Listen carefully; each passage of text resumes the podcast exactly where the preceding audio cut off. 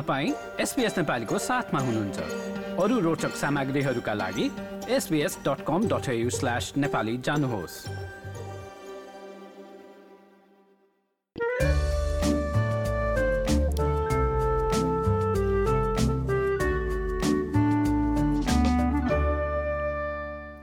मम माने आमा पोडकास्ट श्रृङ्खलाको पहिलो भागबाट आजको अंशमा हामी स्वास्थ्य अवस्थाका कारण प्राकृतिक रूपमा बच्चा कन्सेप्ट गर्न गाह्रो छ भनेर आइभीएफको विकल्पबारे बुझ्दै गर्दा रत्ना महर्जनले आफ्नो जीवनमा चमत्कार भएको बताएकी छिन्। त्यो कुराकानी राख्नेछौँ। तर त्यसभन्दा अगाडि निश्चित समयसम्म बच्चा नहुँदा समाजबाट आउने असंवेदनशील प्रश्नहरूका बारेमा पनि उनले यस्तो बताएकी छिन्।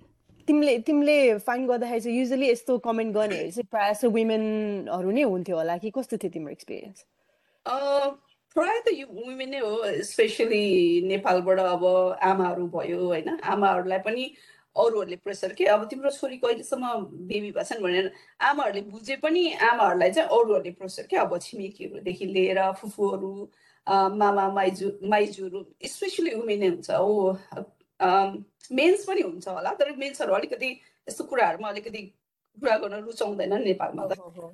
तर यहाँ अस्ट्रेलिया आएर पनि एजुकेटेड भएर पनि त्यस्तो भन्ने मान्छेहरू चाहिँ थुप्रै नै छन् क्या। अर्को कहिले जन्माउने अथवा दुइटा भयो भने तेस्रो कहिले जन्माउने?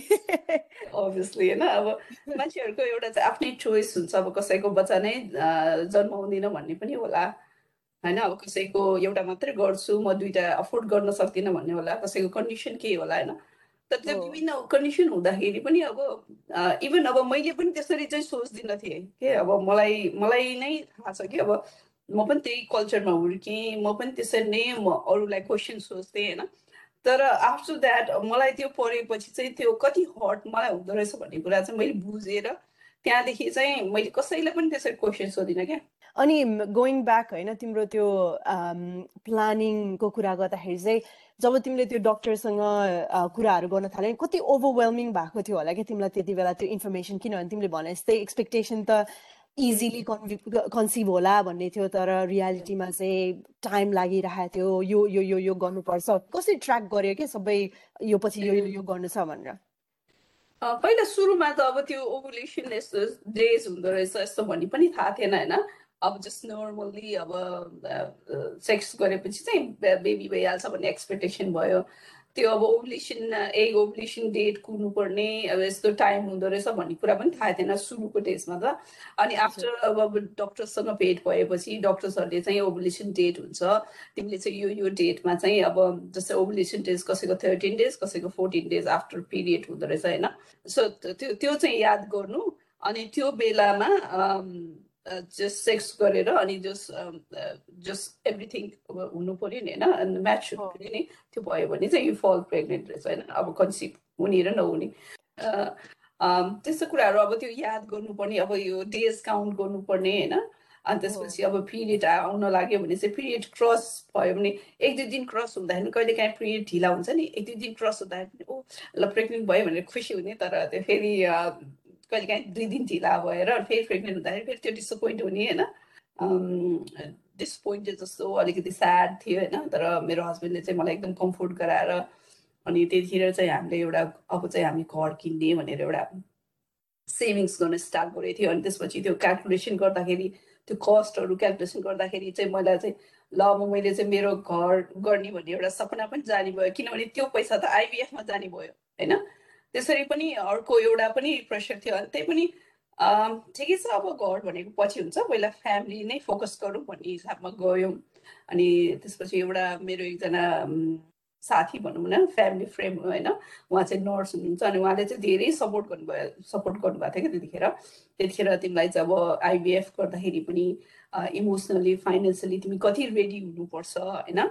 अब कामहरू पनि कति गर्नुपर्छ आफ्नो फिजिकल्ली मेन्टली भन्ने कुराहरू अलिकति हेडसअप जस्तो पनि दिनुभएको थियो। त्यो चाहिँ एकदमै I'm thankful for her as well होइन? अब त्यो जहिले पनि केही भयो भने ऊ त एज अ हेल्थ प्रोफेसनल भएको भएर पनि उसले चाहिँ जहिले पनि यस्तो है भनेर एउटा हेल्प गर्ने होइन? दिनहरू त्यसरी नै भइरहेको थियो। अब फर्दर कसरी जाने भन्ने प्लानिङमा त्यतिखेर दुई महिना कि कति महिना भएको थियो होइन? अनि अनि एउटा मिराकल जस्तै भयो क्या। प्रेग्नेन्ट भयो क्या। एउटा बिलिभ नै भएन त्यतिखेर हो कि होइन हुन्छ नि? अब डक्टरले त हुँदैन थियो अनि तर त्यो एउटा अलिकति सपना जस्तो पनि भयो तर चेक गर्न जाँदाखेरि चाहिँ प्रेग्नेन्ट भन्यो होइन त्यसपछि त्यतिखेर चाहिँ अलिकति डेभलपमेन्ट राम्रो भएन अनि म चाहिँ रेस्टमा बस्नु पऱ्यो। बसेँ म एक महिना जति रेस्टमा बसेँ तर अनफर्चुनेटली बेबी चाहिँ ग्रो भएन होइन?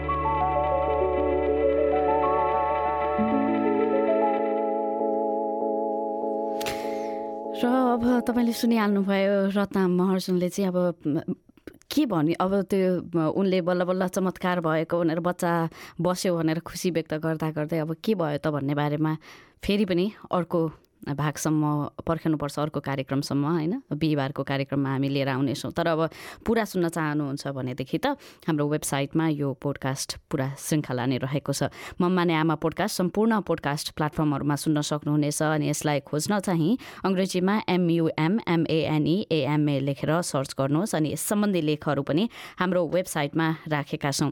एड तर यस पोडकास्ट श्रृङ्खलामा प्रस्तुत भएका जानकारीहरू तथा सल्लाहहरू चाहिँ सामान्य प्रकारका छन्। तपाईँको व्यक्तिगत अवस्थाबारे उपयुक्त सल्लाह तथा सुझावका लागि पनि कृपया आफ्नो चिकित्सकलाई नै सम्पर्क गर्नुहोला। लाइक र कमेन्ट गर्नुहोस्। नेपालीलाई फेसबुकमा साथ दिनुहोस्।